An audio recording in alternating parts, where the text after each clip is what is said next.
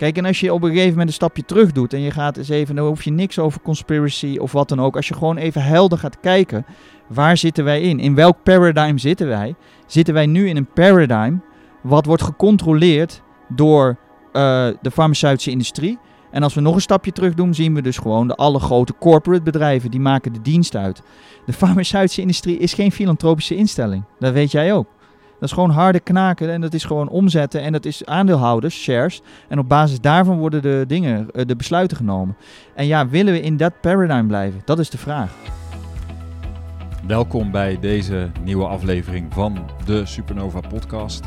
Mijn naam is David. Leuk dat je luistert naar mijn gesprek met Bart Biermans over, ja, ik noem het toch maar even de medische maffia, over gezondheid, over wat is eigenlijk echte gezondheid en wat zijn de agenda's ehm, achter onze grootste farmaceutische bedrijven.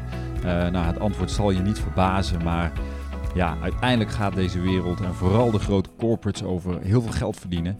Uh, en het is wel uh, een verademing om even met een arts te praten. Die, um, en gelukkig zijn er steeds meer mensen die zien en doorzien dat um, de overheid, maar ook de grote farmaceutische bedrijven niet het beste met onze gezondheid voor hebben, maar vooral het beste met hun eigen portemonnee. En dat lijkt misschien heel kort door de bocht uh, te klinken, maar als het gaat over gezondheid, dan zullen wij zelf als mensen de verantwoordelijkheid moeten nemen over ons lijf, onze gezondheid. En dan kunnen we niet verwachten dat de overheid of de farmaceutische bedrijven ja, het beste met ons voor hebben. Uh, dat is toch een wat naïeve benadering van de werkelijkheid als je het mij vraagt. Uh, maar goed, tot zover even mijn eigen kleine rant. Ja, dit gesprek gaat dus over gezondheid, over hoe je zelf vitaal en gezond kan houden. Maar het is ook een bewustwording. Ik denk dat dat het allerbelangrijkste is. De bewustwording over wat is eigenlijk gezondheid en van wie verwacht je het in deze wereld. Um, en dan denk ik dat we heel goed moeten kijken naar um, ja, wie de grote machtige bedrijven zijn en welke invloed zij uitoefenen op onze ja, besluitvormingen in de maatschappij. Nou ja, um, ik laat het hierbij en ik ga lekker Bart aan het woord laten. Dus ik wens jou heel veel luisterplezier en dank je wel dat je luistert. Oké, okay. zo Bart. Ja. ja. ontmoeten elkaar dan in Bali. Uh, dankzij een luisteraar, Boukje. Ja. Uh, die jij kent. Boukje. En, en, die, en die tegen mij mailde van ja, ja, Bart Biermans komt, je hebt vast een leuke klik met hem en uh, misschien leuk voor je podcast. Nou, dat klopte dus helemaal. Ze dus... was daar heel stellig in. Ja, ja nou, ze was daar heel stellig Ze had gelijk, of ja, zeker. en um, ijstrainingen en uh, ik denk, nou, ja, leuk. Dus ik ben, uh, in, jij organiseerde een, of jij, jij deed een workshop in het zuiden van het eiland. Ja. Uluwatu in de buurt daar. Jimbaran. Jimbaran. Uh, mm. Ik daarheen op de scooter met mijn zoon. En um, ik had wel ervaring met kou. In de, ik, deed dan, ik heb één winter echt iedere dag in de zee gezwommen. In de Noordzee dan. Mm -hmm. En dat was al echt koud. Maar nooit met de breathing erbij. Ik vond het ook best spannend. Want uh, Jimbaran lag toch ongeveer anderhalf uur rijden van Ubud. Ja, was... ik denk, gaat die komen? nou ja, omdat jij een dag van tevoren zei van morgen is het. En ik mijn agenda blijkbaar niet helemaal op orde had. Ja. Maar het is toch gelukt. En toevallig was het de verkiezingsdag. En was ja. er heel weinig verkeer. Dus eigenlijk ging dat heel goed. Je was een van de eerste. Ja. Dus, um, en toen er gebeurde het, ik, ik, dat ijsbad, ik was dat ijs, ja, dat dacht ik, nou oké. Okay. Maar die breathing, man. Ja. Ik ging echt, uh, ik lag daar en ik... Uh, Jij ik wilde denk, niet meer dat ijsbad ik wilde, Nee, ik dat lag was het eigenlijk. Ik weet, niet hoe, ik weet niet eens hoe lang, de, de, de breathing duurde misschien een half uur. Ja. Of zo, drie kwartier, half ja, uur, drie lang, kwartier. Ja, ja precies. Ja, en ik, ik, ik, dacht, ja, ik hoef niet dat ijs in. Ik blijf hier, laat mij hier maar lekker liggen. Ja. Nou, maar goed, ik ben erin gegaan. Het is wel grappig dat je het uh, benoemt, want uh, heel veel mensen boeken uh, mijn workshops voor het ijs. En, maar uiteindelijk, als we dan de sharing round hebben, dan komt er heel vaak naar voren van ja, dat ijs, dat was eigenlijk best wel makkelijk. alleen die breeding, dat was wel heel erg bijzonder. Dus ja, de breathing is zeker een, uh, is een van de drie pilaren van de, van, uh, van de Wim Hof methode. Hè? Mindset, breathing en uh, cold exposure. Mm -hmm. maar uiteindelijk is de breathing toch wel voor de meeste mensen het, het indrukwekkendst. Ja, ja dat vond ik ook wel, het viel, overviel me ook wel. Dat ik dacht van oké, okay, het is eigenlijk een vrij eenvoudige methode. En met zoveel impact. Mm -hmm. Eigenlijk. Mm -hmm. Je komt op een totale. Ja, ik, ik weet ook niet of iedereen een andere ervaring heeft met de breathing. Wat is jouw Nou, kijk, wat, wat, wat, wat, voor jou spreekt natuurlijk, is dat je er gewoon helemaal voor ging. Hè? En dat, eh, Ja. dat, dat eh, misschien ook omdat je al wat dingen voorwerk hebt gedaan, Mhm. hè? had je echt zoiets van, ik ga ervoor. En met die instelling kom je natuurlijk ook het verste en Ja. het, diepste in je ervaring. Ehm, ja, en het ademen is eigenlijk, zoals wij het noemen, brengt je gewoon weer terug in het lichaam. Ja. En het, het is zo succesvol op dit moment, omdat het. eh, ja, het, is, het, is, het past bij deze tijd. Het is simpel, het is doeltreffend, het is efficiënt. Iedereen kan het doen. Ja. En eh, Wim heeft dat op een hele mooie manier eh, in die markt gezet. En, en, en het is precies op het goede moment dat iedereen denkt van dit willen we. Ja. En, Maar, want die, die breathing techniek, de, de, de- je noemde ook in je workshop, en misschien dat Wim dat ook wel zegt, van het is duizenden jaar oude technieken. Mhm, mhm. Maar hoe is die, deze specifieke breathing ja. eh, ontwikkeld of ontdekt eigenlijk? Er zijn natuurlijk allerlei soorten ademhalingsoefeningen. Mhm. Ja, oefeningen, hè? Nou ja, wat ik erover kan zeggen is dat Wim natuurlijk heel erg geïnspireerd is ge- geweest in zijn jeugd, eh, in zijn puberteit, in zijn jonge volwassen eh, tijd eh, in eh, yoga. Hij is ook op jonge leeftijd naar India gegaan. Daar heeft hij eh, ja, allerlei, eh, zoals hij zegt, de yogis lesgegeven. Ik denk dat het misschien eh, andersom was, maar dat laten we even in het midden. Ja. Eh, en eh, ja, Wim kon ook allerlei moeilijke asana's. En ongetwijfeld is hij eh, heel geïnspireerd geraakt door die Oosterse wijsheden. Ja. En die heeft hij in een westers jasje gedaan. En daar wil ik hem wel de credits voor geven hoor. Want nu zijn ook echte mannen die meedoen. Hè? Op de Ja. weekenden van Wim of de weken, daar zijn 95% man. Dus opeens doen alle mannen mee. Mhm. Dus ja, met deze podcast ook bij deze een oproep aan alle vrouwen. Het is ook voor vrouwen super cool. Dus, Nou ja, het eh, leuke was natuurlijk ja. dat ehm, ik was zo enthousiast. Ja, Ik zeg tegen jou van jij moet naar Ubud komen en, Mhm. en daar we kunnen hier wel eh, iets doen. Ja. Dus, ehm eh, nou ja, je zegt als je twintig man bij elkaar krijgt, ik zei nou dat lukt wel. Dus, dat was ehm, figuurlijk gezegd, hè? 20 Ja, man. precies. En maar vrouw. Dat snap ik, man Ja. en vrouw. Dus, eh, nou, goed. letterlijk. Ja, nee, niet. Ik denk, nou ja, goed, dat moet toch wel minimaal lukken. Dus eh, Ja. uiteindelijk hebben we dat georganiseerd. Ja. Ik heb daar mijn bui uiterste best voor gedaan. Ik vind mezelf geen organisatietalent, maar... Nou, je hebt jezelf overtroffen. Nou, dankjewel. Het enige kleine verbeterpuntje is dat je ongeveer de helft ijs had besteld. Zodat we een deel van de sensatie niet meer hadden gekregen. Maar het water was wel koud genoeg. Ja, Daar ben ik met je eens. Ja hoor. En, mensen kunnen bedienen. Maar ik had dus, ehm, ja, ik heb mijn vrouw ook een beetje gezegd van, joh, het is echt wel gaaf voor je. En, eh, ja, die, die, die zou dat echt nooit doen. Dat wa koude water in. Dat koude Ja. water in, dat wilde ze niet. Ze zei van, ja, ik heb zo'n hekel aan kou. Ik, Mhm. waarom, ik, ik- het trekt me totaal niet aan. Misschien dat er dus meer vrouwen zijn die dat hebben. Mhm. En na de breathing zei zij van tijdens de breathing, al na de derde ronde, want eerst de eerste drie rondes zat ze denk ik nog de mind. Hè? En toen Mhm, zei ze op een mhm. gegeven moment, zei ze, ja, ik wil erin. Gaan Ja. we lopen naar dat ijs. Ja. Dus Zo- zo, dus zo krachtig is het dus eigenlijk. Zo zei ze het letterlijk. Ja, de breathing is, is zeker een hele mooie manier om contact te maken met het lichaam. En bij vooral je vertrouwen te komen. Hè? Een ijsbad wil je dat op een goede, fijne manier doen. Mhm. Een ijsbad stappen kan iedereen natuurlijk. Dus gewoon een kwestie van erin stappen. Ja, wilskracht hè, vaak. Ja, Ja. ja. dus eh, intentie noemen we dat. Dus je wil een sterke intentie van waarom doe je dit? Dus ik probeer gedurende mijn workshop altijd helder te krijgen bij iedereen van waarom, waarom, waarom boek jij deze workshop? Waarom wil je in dat ijsbad? Want als je je daarmee kan verbinden met die wil van waarom wil ik dat doen? Op het moment dat je erin gaat, dat is gewoon heel erg krachtig. Ja. Stel dat jij een chronische ziekte hebt en je wil kijken of de methode wat eh, verbetering kan brengen, Mhm. is dat een hele sterke intentie. ja. Maar misschien wil je bij je mannenkracht komen. Of misschien eh, wil je echt weer eens contact met je lichaam maken. Ja. Nou, als je dat dan van tevoren echt tegen jezelf zegt. Ik ga het ijsbad in, want. En dan spreek je je intentie hardop uit. Geeft een enorme kracht waarmee jij al de eerste slag gewonnen hebt. Ja. Nou ja, weet niet of dit een goede uitdrukking is. Maar eh, ja, waardoor je 1-0 voor staat bij zo'n ijsbad. Want een ijsbad, ja. dat is best wel pittig. Als je moet niet zeggen weet dat- hoe je dat moet doen. Hier van 30 graden naar 0, of nou, het was geen 0, maar Mhm. het was best wel eh, intens. Ja, het is goed dat je, grappig dat je het zegt, want het is inderdaad, eh, ja, als je lichaam natuurlijk aan de, de tropical atmosphere en altijd 30 graden is gewend, dan, dan is dat natuurlijk een extra moeilijkheidje Ja. dan iemand die al veel met kou eh, geoefend heeft. Eh, al moet er wel gezegd worden, ook al zitten we in een koud klimaat, zitten we toch met jassen en Ja, allerlei dingen. We hebben de, de, verwarming op Ja. 30 graden of op 20 graden. Ja. Want dat is natuurlijk eigenlijk ook het, het, het, het, het probleem, hè, dat wij niet meer zo goed tegen kou kunnen. We hebben natuurlijk eigenlijk comfort is eigenlijk het probleem. Ja, Ja. Alles is comfortabel. Wim noemt dat comfort zone behaviorism. Ja.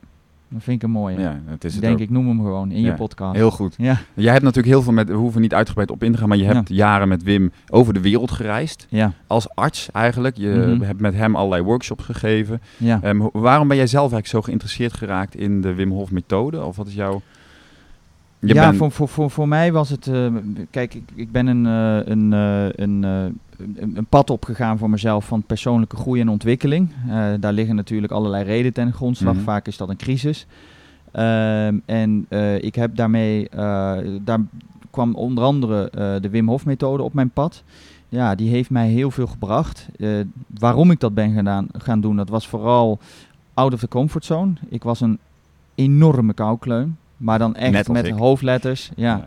Eh, ik zit niet voor niks al hier mijn achttiende keer op Bali. Hè, dus ik vlucht ook altijd naar het warme tropische weer. Eh, maar ik dacht van ja, ik zit toch in Nederland. Dus laat ik de koe maar eens bij de horens vatten. En eh, gewoon eens even met de billen bloot gaan we gewoon die workshop boeken. Dus ik heb hem ook dezelfde avond dat ik hem op televisie zag, heb ik hem geboekt. En ja, met mijn ja, achtergrond als arts vond ik het, het, het, het, het immuunsysteem natuurlijk wel heel bijzonder. eh, van hoe, Ja. hoe kun je dat dan beïnvloeden? Gezondheid vind ik ook belangrijk. V- ja, ben ik Gaan we het zo over hebben, Ja, daar ben ik ook vaak mee, mee bezig, zowel voor mezelf als voor anderen. Mhm. Eh, dus ja, dat waren de twee aspecten dat ik zei van, ik boek die workshop, Ja. weet je. Eigenlijk een, sp- een sprong in het diepe. Ja, grappig. Ik had dus eigenlijk zelf het soort gelijk. Ik woonde dus in Zeeland. Ik denk, ja, ik woon hier bij die zee. Ja, Ja, weet je, het is zo makkelijk, zo dichtbij. Laat ik het gaan doen. ja. Jij, jij, jij, kende Wim toen al? Of? Ik kende Wim, eh, maar ik had nooit echt een workshop of een. Ik, ik was meer door een vriendin die in de Noordzee eh, sprong in de winter. Er waren Ja. al groepjes mensen die dat dan deden. En toen dacht ik, ja, weet je, dat kan ik hier ook doen waar ik woon. Waarom deed je dat? Ja, ik neem hem even over. nou, ik denk dat ik wel op zoek was naar een stukje avontuur Ja, in mijn leven toen. ja, Dus ik had het ook nodig. Ja. En hoe voelde dat voor je? Voor, nou, ik, ik, ik weet de allereerste keer dat ik gewoon ja, uren koud ben geweest. Oké, Echt uren. Ik denk ook dat mijn, eh, misschien wel doordat we dus in de comfort zone leven. Dus mijn ja. thermoregulatie was zo, Mhm. werkte niet. Altijd koude handen, koude voeten. Ja. En naarmate ik het dus vaker ging doen, merkte ik dat mijn lichaam veel sneller opwarmde. En dat ik het daarna op een gegeven moment eigenlijk nooit meer koud had. Mhm, mhm. Dus dat is dan het fysieke, zeg maar, wat er dan gebeurde. Klopt. Ja. En, ehm, en inderdaad, wat ik merkte als ik dan echt eh, overvol hoofd had. Ja, dat is een soort reset, hè. Mhm, Ik mhm. voel, je, voel, je komt herboren. Ik kwam herboren er weer uit, vaak. Ja, ik heb ook wel eens gehad dat ik naar de kust reed. Slecht weer. Dat ik op de dijk stond. Ja. En dat ik zei, ik ga er niet in. Ik ben één keer gewoon terug. eh, Had je een intentie? Nee, had ik geen intentie. gewoon vandaag, ik ga er weer in, want het was een gewoonte. Ja, precies. En dan reed ik Ja. terug. Nee, Dat is een goeie dat je dat zegt uiteindelijk. Van ja, waarom doe je het? Ja, het hoeft ook niet iedere, ik hoef niet iedere, iedere dag dat, dat water in. Wil je nog meer tips? ja, daar gaan we het zo over hebben. Want wie wil, ik bedoel, Nederland, ik bedoel, het water hier in de oceaan waar wij zitten is natuurlijk warm. Maar in Nederland Mhm. is het tot en met april, is het echt koud water. Dan heb je Ja. al in iedere meer, in de zee, je hoeft niet een ijsbad te doen. Hè? Dat water is 5 graden in maart. Nee, ja, ik vind, ik vind oefenen in de natuur eigenlijk nog wel een extra dimensie hebben. Hè? Dat, je, Ja. dat, je, dat je op een plek bent waar iedereen met de winterjas rondloopt. Het liefst helemaal niemand rondloopt natuurlijk. Waar, waar, waarin je dan met de, met de ru- ru- ruwe elementen Ja. van de natuur eh, één wordt eigenlijk. Hè? Ja. Want, je, want wat ik heb heel vaak heb beleefd is dat je in een meer ingaat en, en, en ja, je ziet zwanen, vogels. En jij bent een deel van dat, eh, Ja. van dat, van dat geheel. Je hebt een soort encounter met nature. Hè? Ja, Ja. ja. en het geeft heel veel kracht. Buiten het feit natuurlijk, als je eruit komt, hè, wat dat eh, teweeg brengt. Als je net even die Ja. kou hebt eh, getrotseerd. Ja, het doet iets met je hele Het systeem. Je hele systeem, ja. Ja. Je, je, wordt, je gaat als het ware aan, hè. Ja. Alle, allerlei stofjes Maar, komen maar- er vrij. maar kun jij eens uitleggen wat er, zeg maar...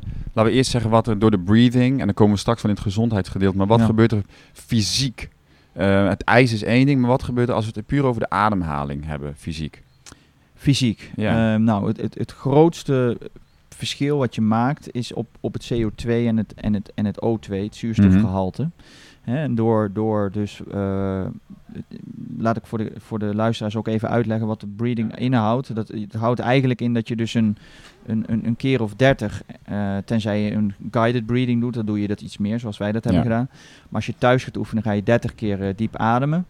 En daarna adem je uit. Dan zit er dus geen zuurstof. Maakt niet uit door de neus of de mond. Het gaat om... Ja. Ja, we gaan er niet helemaal alles uitleggen. Oh. We moeten nog wel een workshop natuurlijk Heel boeken. goed. Eh, maar nee, daar, daar gaat het niet om. Het is sowieso eh, het veiligst. En daar Ja. gaat het mij om. Ja. eh, als je deze methode leert onder begeleiding. Ja. Ehm, eh, dus je ademt een, een, aantal, een 30 keer in en uit. En dan na uitademing stop je met ademen. Ja. En dan wacht je eigenlijk totdat de ademprikkel komt. En wat veel mensen al opvalt, is zelfs de, in de eerste ronde, dat ze denken van, hé, hey, waar is die ademprikkel? Ja. Ja. Die rekt zich steeds verder op. Ja, precies. Eh, laat staan ronde 5. Dan kan je wel eens zijn dat mensen denken, ik ga maar ademen, want het duurt mij te lang. Eh, wat, wat ik altijd adviseer is, als je die ademprikkel voelt, adem dan in. Nou, dan ademen mensen in en dan houden ze dat weer even een 10, 15 seconden vast. Dat is ongeveer één ronde. En dan gebeurt er dus iets. Op dit, dat, dat, nadat je dus heel lang niet hebt geademd. En dan adem je Adem in je één in. keer in. En, En dan, dan- hou je vast. Ja. En dat is vaak op het, op het mentale vlak of op het spirituele of het lichamelijke vlak, hoe je het wil noemen. Is, is, gaat er wel een luikje open. Ja. Dus als er kleuren gezien worden, dan is het vaak op dat moment. Of als Ja. er heel veel heftige tintelingen of wat dan ook. Want Nou ja, want jij zei tegen mij, of in die groep, eh, van ja, ik zei van ja, het deed me een beetje aan ayahuasca denken. Hmm, ja, Ik had een soort van, ik zal niet zeggen, eh, maar ik kwam een beetje in die laag eigenlijk. ja. En dat is dus ook fysiek te verklaren. Nou ja, inderdaad. Ik was eventjes aan Ja. het uitleggen wat dus de, de, de, hoe het praktisch is. Maar de vraag was inderdaad wat je zegt eigenlijk van ja, hoe, wat, wat gebeurt er nou? Nou, wat gebeurt er me- als je fysiologisch bekijkt? Ja. En, je, en ja, ik, eh, ik, ik kijk dingen altijd, dat vind ik leuk om het en fysiologisch te kijken en holistisch. Hè? Dan heb je het, het hele pakket. Maar, maar eh, fysiologisch, door het diepere ademen ha- haal je eigenlijk su- eh, CO2 uit je lichaam. Ja? Mhm. Heel veel mensen denken als je diep gaat ademen, dan komt er heel veel zuurstof in je lichaam. Dat is ook wel lekker om dat te denken. Ik zeg dat ook vaak tijdens mijn workshop. maar eigenlijk gaat de CO2 eruit, want, want je zuurstofgehalte is op, al op 100%. is verzadigd. Dat is al eigenlijk verzadigd, Ja. ja. Dus, eh, dus je haalt het eh, CO2 eruit, eh, uit je bloed. En ja, wat veel mensen niet weten, het gevoel van ik moet ademen, dat ligt een beetje aan het CO2-gehalte. Ja, dus als jij nu stopt met ademen, eh, dan eh, op een gegeven moment voel je van ik moet weer ademen. Dat heeft niks met je zuurstof te maken, dat is echt je CO2-gehalte. Ah, oké. Dus daar doen wij iets op. Door diep te ademen halen we dat omlaag, waardoor het langer duurt voordat jouw lichaam een trigger krijgt van hé, hey, ik moet ademen. En daardoor gaat je zuurstofgehalte omlaag, want je ademt niet, dat is logisch. En dan komt je zuurstofgehalte vaak op zo'n niveau waar het nog nooit geweest is. Nou, uit de comfortzone, om het zo maar eens te zeggen. En onze theorie, en dat is nog niet wetenschappelijk bewezen, is dat dat eigenlijk een soort reset geeft van al je systemen. Dus doordat het zuurstof zo laag wordt, waar het nog nooit geweest is, gaat het lichaam met allerlei hormonen eh, compenseren. Eh, de, de- ja, er, wordt, komt, er komt van alles vrij in het lichaam, wat je ook voelt in, Ja. aan de hand van sensaties in je lichaam. En dat is eigenlijk een soort reset van al je systemen. En daarmee kunnen we verklaren dat het voor heel veel mensen, ja, health, happiness, strength, eh, maar ook allerlei chronische ziektes zie je verbeteringen op. Eh, je ziet eh, verbeteringen op energieniveau, slapen, ja, te, te veel om op te noemen. Ja. Ja, dat is dus heel interessant. Dat er dus, je komt dus in een laag in je lichaam die gewoon misschien wel duizenden jaren Mhm. latent, die gewoon daar we nooit bij zijn gekomen. Als je dus Ja. die ademhaling niet doet, ja. dan worden die, die kanalen helemaal niet geopend eigenlijk. Nee, dat dat is het. Dat is natuurlijk ook wat men ayahuasca deed denken, omdat dat ook Ja. kanalen opent natuurlijk. Precies, en het is inderdaad, eh, ik hoor dit vaker wat je zegt, Ja. dat het lijkt op ayahuasca, maar het is natuurlijk niet zo Nee. heftig. Hè? Ayahuasca, Nee. dat is acht uur lang eh, in een, eh, Ja, klopt. zit je ergens in. En hier Ja. heb je toch iets meer zelf nog de controle of je je ogen open doet. Of dat je ja, even rustiger gaat ademen. Ja, je hebt Ja. controle over wow. Ik hoorde ook mensen Ja. zeggen van dit ging wel even, ik moest even rustig aan. Ik wilde weer even, Ja. nou ja, in mijn lichaam voelen. Maar je zegt dus aan de ene kant, ik voelde wel, je bent er bewust bij. Dus ik, je voelt wel, ik zit echt in mijn lijf. Maar het is ook wel een beetje, Dat je naar boven je gaat gaan. ook wel een beetje naar boven. En Mm. daarom vond ik het, de combi met het ijs eigenlijk weer heel gaaf. Het Mhm. ijs trek je gewoon boom in je lijf, weet je. Dat Ja. is gewoon hard. Ja, Je ja, kan ja, niet voor vluchten. Ja. Terwijl de breathing ergens ook wel weer je Uit soort het lijf van uit kan het halen. lijf kan halen. ja. Dus het hoort wel een beetje bij elkaar. Het hoort zeker bij elkaar. Ja, het is een beetje yin en yang, om het zo maar te zeggen. Dus Ja. de, de- bij de breathing open je jezelf. Sommige mensen voelen zich ook best wel kwetsbaar. Je kunt ook in contact komen met emoties. En dat kunnen fijne emoties zijn, zoals Mhm. liefde en verbondenheid. Maar ook minder fijne emoties, althans minder fijn. Zoals wij die mezelf noemen. zeggen. Hè? Dus Ja. eh, eigenlijk mogen alle emoties er zijn. Maar in ieder Ja. geval emoties die over het algemeen door mensen als minder fijn worden bestempeld. Zoals eh, eh, angst, pijn, spanning. en dat soort emoties. Ehm, maar uiteindelijk, en dat zul je beamen, als je dan in, uitlicht, hè, na breeding zitten we, liggen we toch een, eh, minuut of tien uit. Ja, dan voel je je toch wel heel erg relaxed en eh, weer bij jezelf. En je legde ook uit, je komt dus eigenlijk door de breathing, je bypast eigenlijk je, je, je, je limbische brein. Eh, nee, je, je- conscious je brain, conscious- je neocortex. Je neocortex. Ja, En daardoor kom je eigenlijk, je komt eigenlijk in diepere lagen van het brein, ja. ja, door die ademhaling. Waar je dus conscious normaal gezien niet, niet inkomt. Ja, ik, ik heb een hele mooie slide. Die heb Ja. ik eh, de eerste presentatie wel gebruikt. eh, want je, ja, je bent twee keer natuurlijk Mhm. op een workshop geweest. En dat gaat over die drie eh, breinen die we, die, die we hebben. Dat is een schematische indeling. En dan heb je de human brain, of de neocortex. Dat is zeg maar wat ons mens maakt met de hogere functies zoals eh, abstraheren, eh, taal, et cetera. Alle dingen die ons onderscheiden van de dieren. En daaronder zit het emotionele brein, of het limbische brein zoals jij dat noemt. En, en dat is meer, daar zitten die emoties. Hè. Kinderen zijn heel erg verbonden. Ja, je hebt drie, ja, ja. drie kids, hè. Waren we gisteren nog eh, mee uit eten. Maar als je, als je die ziet, ja, die, zijn, die kunnen boos zijn en een minuut later verdrietig of andersom of blij. Of die, die schakelen gewoon eh, zonder moeite tussen emoties. Hè. Dat is zo Dat is wonderlijk. interessant, ja. Hoe Ja. snel zij dat kunnen. Ja. Van het Ja. ene moment, boom. En dat heeft er dus mee te maken dat wij als volwassenen, onder andere door de maatschappij eh, en door ons onderwijssysteem en eh, media, et cetera, is dat, is dat, wordt er heel veel belang gehecht aan cijfers, Ja. aan het neocortexgebied, hè, aan presteren. Dat aan- ontwikkelen we vanaf dat ontwikkelen jonge leeftijd. Ja. ja. en daardoor onderontwikkelen of doordat we het geen aandacht geven, het limbische brein, dat is het emotionele brein. En daar zit ook je intuïtie. Nou, hoeveel mensen, we hebben laatst ook nog een andere workshop samen gevolgd over de gut, feeling. Ja. Hè? Of, eh, hoe, zou je dat in het Nederlands zeggen? Ehm, eh, Je gevoel, ja, ja, Je water. ja, je, je water, water. je intuïtie. Nou ja, Ja. Je, je water, ja. Ja, dus daar hadden we Nou ja, ook- jij vroeg natuurlijk van hoe, wie neemt beslissingen met zijn ratio of neem je beslissingen met je gevoel? Van je gevoel. Of je ins- instinct. Ja, inst- wij, wij maken er een mooi woord van. Intuïtie is natuurlijk... Eh, Het is eigenlijk beter dan gevoel, want gevoel is een... Ja, Ja. En, en dus doordat, doordat wij die neocortex zo dominant maken in onze maatschappij. En de meeste mensen ook die een grote slimme neocortex hebben, die zijn ook succesvol, hebben ook de poen. Weet je? Ja. Kunstenaren, die zijn misschien eh, meer met hun limbische, emotionele brein, brein in aanraking. Nou ja, je weet het, die moeten we subsidiëren. Want die, die, Die ja, die krijgen geen deel van de taart, zeg maar. Van de maatschappelijke eh, verdiensten. En dat is nou, eh, nou, daaronder, om het verhaal even af te Ja. maken, zit het reptiele brein. Dat is het, eh, is het, het meest primitieve. Daar zitten functies als, nou ja, stel dat je hersendood bent, dat je nog ademt. En dat je dus alle autonome functies... Ja. eh, Je Nou, hart klopt. Ja, je, hart klopt, je bloeddruk, et cetera. En, en die adem, en dat is dus, dat hoorde je mij ook roepen tijdens die ademhalingssessies, want het, ging er, het kan er best wel eventjes eh, flink aan toe gaan. Die adem zorgt dus als een soort brugfunctie tussen die verschillende delen van het brein. Met andere woorden, door weer in contact te komen met de drie delen, kom jij in balans. Alle angsten, durf ik hier te beweren, die ontstaan door een disbalans in die drie delen. Eh, Wil je daar Mhm. een voor, voorbeeld van noemen? Ja, Bijvoorbeeld het, het voorbeeld wat ik noemde op de workshop. Dat is eh, iemand die is bang voor naaltjes. Iemand is bang voor naaltjes. Nou, dat kan een hele, we noemen even in het voorbeeld, is dat een hele sterke man, een bodybuilder. Nou, bodybuilders, die hebben veel pijn doorstaan om veel spieren te kweken. Als die een naaltje zien, ja, dan kan het zijn dat zij wit wegtrekken, grote pupillen krijgen, gaan zweten. En als het ware een heel klein, bang jongetje in dat worden. kindstuk komen Ja, eigenlijk. in dat kindstuk. Ja. Wat gebeurt er nou? Nou, op het moment dat zij dus dat naaldje zien, worden zij weer teruggebracht in hun limbische of emotionele brein. Want daar zit ook lange termijn geheugen. En dat zorgt ervoor, waarschijnlijk heeft die bodybuilder eh, als klein kind een traumatische ervaring met naaldjes gehad. Ja, want anders reageert hij niet zo. En hij wordt als het ware door dat naaldje in het heden Het teruggebracht naar het naaltje, de naaldje in het verleden.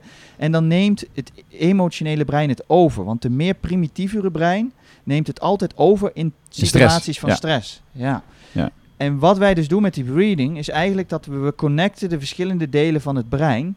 Waardoor ze weer samen kunnen werken. En waardoor dus automatisch Hmm. alle angsten verdwijnen. Hoe cool is dat? ja, dat is echt bizar gaaf. Ja, ja. En zo kun je dus, als je vliegangst hebt, wat ga je doen? Je gaat het vliegtuig in, exposure. Je kan niet van angsten, moet je onder ogen zien. Je kunt nooit van een angst genezen als je er voor weg blijft lopen. Comfortzone, behaviorism. Precies. Daarom dat ijsbad. Precies, dat is een angst. Daar ga je in met je intentie, met vertrouwen, met focus. En die zie je onder ogen. En die zet je om. En dat is eigenlijk wat je doet. Je legt nieuwe patronen aan of nieuwe... Ja. eh, je- Ja. eh, hoe heet het? Condition, wij noemen ja. dat conditions, Ja. eh, old conditioning of the mind. Ja. Dus gewoon conditionering van allerlei gedragspatroontjes waar, die erin slijten om jezelf eigenlijk veilig te stellen. Ja, Dus, ja jezelf herprogrammeren. Dus de adem, die verbindt de drie delen van het brein, waardoor je dus eigenlijk in contact komt met jezelf, je angsten verdwijnen en je weer in contact komt met je intuïtie. ja. Wie wil dat nou niet? Nee, super. Wat ik heel interessant vind, is dat wat, jij, wat jullie vanuit de wetenschap, zeg maar, met die drie breinen uitleggen, dat natuurlijk in het oosten, vanuit de meditatie, ehm, het meer vanuit een spirituele kant uitgelegd wordt, maar de werking vaak hetzelfde is. Ja. Hè, dus het eh, beyond the mind. Nou, ik had Mhm. twee weken geleden een podcast met Maitreya daarover. Weet je wel, die komt door die meditatie, ga je Mhm. natuurlijk ook door ademhaling, dus Mhm. er zitten wat, wat overeenkomsten, ga je eigenlijk voorbij die mind, al die, die stemmetjes. Dus ik vind het heel mooi hoe je dat nu, hoe dat klikt bij mij eigenlijk. Van oké, Ja. je kan het op allerlei manieren zeg maar uitleggen en dat klopt allemaal. Iedereen heeft een andere ingang. Ja. En dat probeer ik ook. Ik probeer in mijn workshop het altijd zo breed mogelijk te houden. Ja. Soms heb ik het over de fysiologie, soms heb ik het over het bewuste, het onderbewuste. Moet je heel eerlijk zeggen, ik heb het niet zo vaak over chakra's hè, of energiebanen. Dus ik probeer het wel altijd. Ik heb wel een bepaalde doelgroep. Ja. eh, maar voor mezelf geloof ik daar dan wel weer heel Ja. erg in. En ik, ja, ik probeer altijd een, zoveel mogelijk woorden te gebruiken om ook te kijken van wat sluit bij iemand aan. En het Ja. ook open te houden. Het in ieder geval niet dogmatisch te maken. Van hè, het, zo is het en zo moet het en Ja. zo benoemen we het. Ja. Nou ja, goed, de mind wil graag begrijpen, daarom vraag ik het. Daarom hebben we deze podcast. Die wil graag begrijpen hoe het zit. Dat helpt een beetje. Hè? Die Dat intentie is, ook mind. Dat je zegt, ik ga daarin met een intentie. Ja.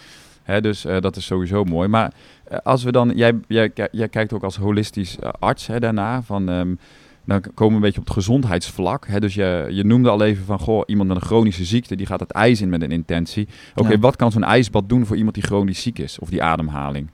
Nou, kijk, dan komen we toch, en dat vind ik leuk dat je er, daarover begint. eh, want een, een, een, een deel van het succes van de methode is, is ook zeker, zeker eh, eh, ehm, door de wetenschap gekomen.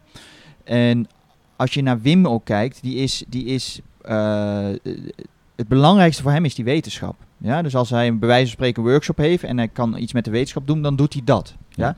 Dat is voor hem het belangrijkste. Hij wil paradigm shift. Ja. En ik wil dat ook. Een Ja. paradigm shift wil eigenlijk zeggen dat we gaan dus echt anders kijken naar om. gezondheid. Ja. En ik, je merkt, als ik daarover praat, dan krijg ik al een andere energie. En dan merk ik van, hé, hey, ik sta aan. Dit is waar het over gaat. Eh, Waar gaat het over? Welke paradigm shift is dan nodig, zeg maar? Ehm, ik denk dat de wetenschap, kijk, wil je, wil, kijk, hier in Bali, Ubud is een mooi voorbeeld. Hè? Daar, daar heb je veel mensen die staan helemaal open. Ja, die gaan van ene workshop naar de andere, willen alles uitproberen.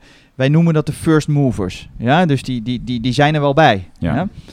Een paradigm shift, ja, daar heb je meer nodig dan de first movers. Dan wil je dus de grote menigte mobiliseren om op een andere manier, in dit geval naar gezondheid te gaan kijken. Ja? Ja. En wie heb je dan nodig? Dan heb je echte zorgverzekeraars nodig, want die bepalen waar het geld naartoe gaat. En zorgverzekeraars, ja, als ik zeg van ja, ik heb hier de Wim Hof methode, eh, ja, probeer het maar en dan zul je zien dat het werkt. Ja, daar krijg je de zorgverzekeraars niet mee. Dat weet Wim ook. Dus Ja. Wim weet, ik, ik geloof erin. En ja, ik, ik zelf ook, hè, eh, als persoon. Maar wil jij echt die paradigm shift, ja, dan, dan moet je de zorgverzekeraars meekrijgen. En dan moet je wetenschap hebben. Maar wat zou de paradigm shift zou dan betekenen dat we ten eerste is het een stukje kennisoverdracht misschien wel dat het überhaupt een genezende werking heeft. Dat moet dan, nou ja, dat is dan nu al wetenschappelijk. Hè, door een aantal onderzoeken met Wim is dat Mhm. al bewezen. Hè, Ja. Met zijn immuunsysteem, hoe die dan Mhm. die E. coli-bacterie zeg maar Of, hè. Ja, ja, ja. Ehm, dus dus de, Die, die, die wil ik ook nog wel even uitleggen. Ja. Ik denk dat het wel dat is misschien wel goed. Ja. essentieel Nou is ja, goed. eh, In, in ieder geval, in er is een voorbeeld waarin Wim, die wilde graag een guinea pig zijn. ja, Hè, Ja. Dus die zegt, nou spuit me maar in met een bacterie en dan ga ik wel mijn immuunsysteem aanzetten. aanzetten. Eigenlijk. Ja, dat is eigenlijk het eerste baanbrekende Ja. onderzoek van Wim. Liet dus eh, eh, Wim zichzelf inspuiten met een dode bacterie. En normaal word je dan eh, ja, flink ziek. Natuurlijk, het is een dode bacterie, dus je gaat er niet dood aan. Maar je bent wel echt Ja. zes uur lang wil je dood, zeg maar. Je ligt Dus- daar wel... Ja, dus eh, de, ja, ook, ook eh, bij deze chapeau voor de proefpersonen, hè, die dus niet... want het is natuurlijk bij een onderzoek Ja. altijd Wim versus een gezond persoon die Ja. niet Wim is. Nou, en daar kwam dus inderdaad uit dat, dat hij dus eh, niet alleen niet ziek werd, hè, dus hij bleef gewoon lekker ademen, voelde zich prima, maar ook in het bloed, en dat is in de wetenschap natuurlijk eh, belangrijk dat je ook wat vast kan stellen. Ja, dat is de harde Z- bewijs. Harde bewijs zag je dus inderdaad dat, dat zijn, hoewel zijn immuunsysteem op de achtergrond aan werd gezet, dus er werden meer witte en, en rode bloedcellen aangemaakt, eh, zag je de inflammato- inflammatoire respons, en dat wil zeggen zeg maar, Mhm. dat de witte bloedcellen ergens naartoe komen, die werd gedempt. Ja. Hmm. Eh, dus zeg maar waar die, dat het endotoxine, zeg maar dat die dode bacterie werd gespoten, daar gaan er natuurlijk allemaal bloedcellen naartoe, witte bloedcellen. Ja, en dan krijg je eh, roodheid hè, en zwelling. eh, en dat, werd veel, dat was veel minder. Mhm. En dus wel belangrijk om te zeggen, maar het immuunsysteem op de achtergrond, hè, dus het Ja. aantal witte bloedcellen, dat nam toe. Hè, want anders Hmm. zeggen veel mensen, ja, maar je wilt toch juist een sterker immuunsysteem. Dat gebeurde ook. Nou, ditzelfde onderzoek is herhaald. Dan, want Wim, Ja. ja. Wim is leuk, dus Is een- één persoon. Eh, dus het is nog geen wetenschap. Maar zij, Wim heeft dus een groep van ongeveer eh, 12 personen getraind. En die kregen ook die bacterie ingespoten.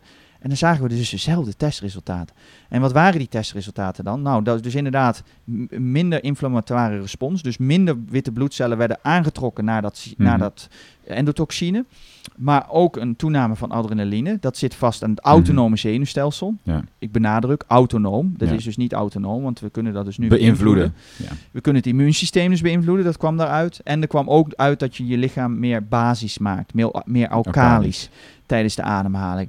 En ja, dat is, dat is toch wel baanbrekend, dat wij dus het, het Ja. immuunsysteem en autonome zenuwstelsel kunnen beïnvloeden Door adem en kou. door adem en kou. En hierbij was vooral de ademhaling leidend. En we zagen dat dus de kou het effect nog versterkte. Ja. ja.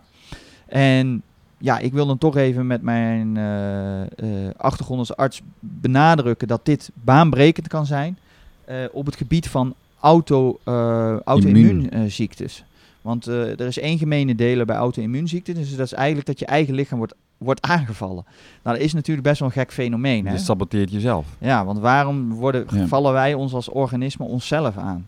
Daar zit geen evolutionair voordeel in. Nou, heb je een voorbeeld van iemand van een, een bepaald soort auto-immuunziekte die deze methode is gaan doen en die dus eh, om om even een beeld te vormen van oké, waar hebben we het dan over? Een auto-immuunziekte is bijvoorbeeld is, is dat de ziekte nou, van Crohn? Of artritis. Bijvoorbeeld Reuma, RA. Reumatische artritis betekent dat je gewrichten stijf eh, worden en minder Ja. bewegingsvrijheid hebben. Ehm, nou, ik wil benadrukken dat dus de, de studies nog in de maak zijn naar deze ziektes. Dus ik ga Ja. hier geen gezondheidsclaims eh, Nee. propageren. Het enige wat ik kan spreken is vanuit eigen ervaring en ervaring bij workshop-deelnemers. Ja. In dit geval bij workshop-deelnemers, want ik heb zelf geen eh, reumatische artritis. Ja. Maar ehm, wat wij ook zeggen is, je bent je eigen... eh, Geneesheer. ja, en, en wetenschapper. Ja. Hè? Dus als jij reumatische artritis hebt, ga in godsnaam een maand die methode doen en ga kijken of de, ja, hoe het met je gewrichten gaat. Het idee is eigenlijk dat bij alle auto-immuunziektes, dus niet alleen reumatische artritis, maar valt het lichaam zichzelf aan. Ja, dat, dat is natuurlijk best wel raar. Ja. In de reumatische artritis valt het lichaam zijn eigen gewrichten, gewrichten aan. Eh, dat is omdat het lichaam dus hypersensitief reageert op bepaalde prikkels. Nou, je kunt dus in het verlengde daarvan zien, dus als je dus met de Wim Hof methode die inflammatoire respons Mhm. dempt, zul je dus minder last hebben van die reumatische artritis. Maar dat is niet alleen reumatische artritis, dat kan ook astma zijn. Of dat kan een algemene allergie zijn. Ja. Of dat kan Crohn's disease zijn of colitis ulcerosa. Ja. Of zelfs MS heeft een immuuncomponent. En nu Ja. wordt hij heel spannend. Zelfs kanker heeft met het immuunsysteem te maken. Dus ja, als je gaat beseffen, als we het dan over paradigm shift hebben, als je gaat beseffen wat voor implicaties het kan hebben als jij de inflammatoire respons zelf, Zelf. kan beïnvloeden, ja, dat, is een dat noemen wij een paradigm shift. Ja. Want ehm, je, je hebt het dan net over de zorgverzekeringen. Hè, als, eh, nou ja, stel iedereen, we hebben hier wetenschappelijk onderzoek over. Dat dit, Mhm. wat jij zegt, dat dat inderdaad wetenschappelijk bewezen is. Mhm. ehm, dat dit werkt. Mhm. Ja, ehm, da- dan denk ik dus echt van ja, maar dit, wil, dat willen ze helemaal niet. Mhm. Weet je, de hele... eh, Ja, oké, maar, maar, goed, dus misschien... Dat, dat, ik snap wat je bedoelt hoor, maar, maar we gaan vooruit, weet je. Ja. En ik heb toch een eh, positief wereldbeeld dat we, ja, juist door, eh, hè, dus er zijn nu 500 trainers al opgeleid, juist door het nu breed te trekken, juist door nu zo'n podcast te doen. Wim die doet ook allerlei podcasts. ja, op een gegeven moment, it's out in the open, Ja. weet je. En op een gegeven moment keer je het. Hè, de groene energie is lang tegengehouden door de petroleum. Maar nou, uiteindelijk gaan wij groene energie krijgen. Ja. Nou, en dat is hetzelfde hier. De farmaceutische industrie gaat nog, nog misschien nog een aantal tientallen jaren die pillen eh, door onze strot douwen. Eh, maar uiteindelijk zal er een meer gebalanceerd systeem komen. Ja. En waar ook pillen ongetwijfeld nog een, een, een, eh, een, misschien een, een, een, rol. een Ja. rol in spelen. Alleen, eh we hebben nu natuurlijk een heel erg ehm, eenzijdig beeld in onze gezondheidszorg. Ja. Dus het, het inbrengen van de holistische kant en de breathing is daar dus één kant van. Mhm. Wat zijn nog meer dingen die we, als het gaat om de paradigm shift naast de breathing eigenlijk, eh, ja, waarover we anders moeten gaan denken? Want dat is dan de paradigm shift. We gaan anders. Ja, ja, nou ja, kijk, de, de Wim Hof methode, je, je hebt twee workshops gevolgd en je weet, mijn hart zit er vol van. Maar het is natuurlijk een paradigm shift, is, is, is groter dan, dan, dan de Wim Hof Ja. methode. De Wim Hof methode is natuurlijk een, een, een middel Ja. eh, voor een paradigm shift. Een paradigm shift is, is, is, is breed op, op gezondheid. Ja. Daar is voeding ook een eh, essentieel eh, iets eh, bij.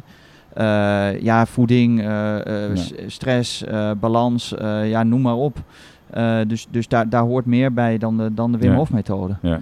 En ik, ik eh, ja, voor mij is persoonlijk is een heel mooi boek, wat ik zelfs ook in mijn workshops aanhaal. Dat is de Antikanker van eh Servan Schreiber. Ja. Ik weet niet of jij dat boek kent. Nee, maar je noemde het en dacht ik, Ja. hey, interessant. Ja, Servan Schreiber, dat is een, eh, een, een, een, een, een Franse arts en wetenschapper. En die krijgt op een gegeven moment zelf kanker in Mhm. zijn hoofd. En die Ja. laat hij op normale manier eh, behandelen in het ziekenhuis. En dan komt het terug. En het mooie aan dit boek, en dit is eigenlijk ook wel wat mij, ehm, ja, wat ik heel erg eh, fijn vind en wat ik ook zelf altijd probeer in mijn workshops Mhm. samen te brengen, dat is gewoon toch die wetenschap weer. En hij, eh, hij gaat dus in de normale wetenschap gaat hij kijken wat is er eigenlijk al bekend over kanker. En ja, Ja. dat, dat is best schokkend. Want we weten dus ook wetenschappelijk gezien al waanzinnig veel over kanker. Maar dat is nog helemaal niet geïmplementeerd in onze gezondheidszorg. En het is ook niet bekend dan bij het publiek. nee. Maar noem Nee. eens even een paar dingen, want dit vind ik ook wat, mateloos wat, voor hem, wat voor hem, wat, wat als een pijl boven water staat, of schrijf ik dat goed als Ja, pijl boven water, is, is dat suiker en kanker, ja, dit, dat zijn geen vrienden van elkaar. ja. Dus eh, hij gaat zelfs zo ver, en ik, ik steun hem daarin, eh, dat hij zegt van ja, zoals je vroeger de rokende arts had, hè, die consult deed in het ziekenhuis. Ja, zo zien wij dat over twintig jaar, dat daar nog van die automaten in het ziekenhuis staan met allemaal snickers en chips en dit en dat. Terwijl ja, voeding gewoon essentieel is. En Ja. zeker bij, bij kanker is suiker. Hij laat verschillende onderzoeken zien waarin eh, echt naar voren komt. Ratjes worden ingespoten met kankercellen en dan krijgen ze suikerwater of eh kurkuma water met eh, allerlei antioxidanten, ginger, gember, et cetera. En dan zie je gewoon dat die tumorpromotie, dus hoe groot die gezwellen worden bij die, die ratjes die suiker krijgen, ja, dat is significant.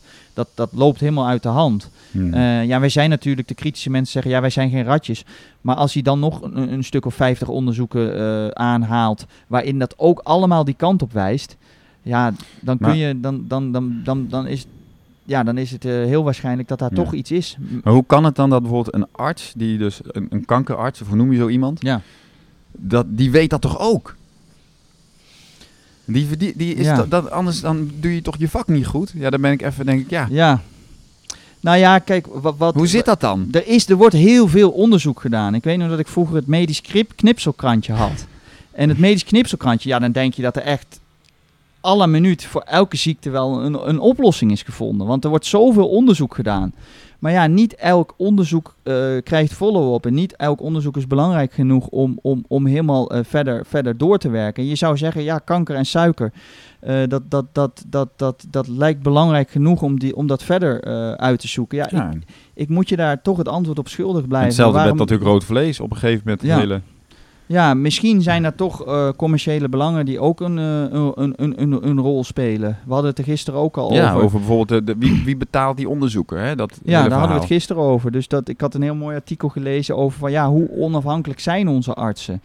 Ehm, kijk, heel vaak krijg ik natuurlijk door critici en door, door ik heb in mijn jaarclub een aantal artsen en die, eh, ik ga graag de discussie aan en ik provoceer ook nog eens graag. Dus ik, ik, dit soort onderwerpen ga ik niet uit de weg. Nou, let's dive in. Ja, dus Ehm, ja, en dan, dan, dan, dan zeggen zij ook van ja, als er dan iets tegen kanker was, eh, ja, dan was dat er toch al. De- hè, dat is, daar zijn we naar op zoek. Nou ja, wat ik dan zeg is van ja, stel dat kurkuma heel goed tegen kanker werkt. Ja? Ehm, het is gewoon een feit, en het is gewoon echt een feit, dat, dat, de- dat, dat, dat de farmaceutische industrie 95% van al het wetenschappelijk onderzoek op dit vlak financiert. Dus geef mij één reden, eh, David, waarom, of Da- David, Hmm. waarom, waarom, waar, waar- waarom de farmaceutische industrie een onderzoek zou gaan financieren waarmee ze eigenlijk hun eigen inkomstenstroom ondermijnen. Zo klaar als een klontje. Ja. Kijk, en als je op een gegeven moment een stapje terug doet en je gaat eens even, dan hoef je niks over conspiracy of wat dan ook. Als je gewoon even helder gaat kijken, waar zitten wij in? In welk paradigm zitten wij?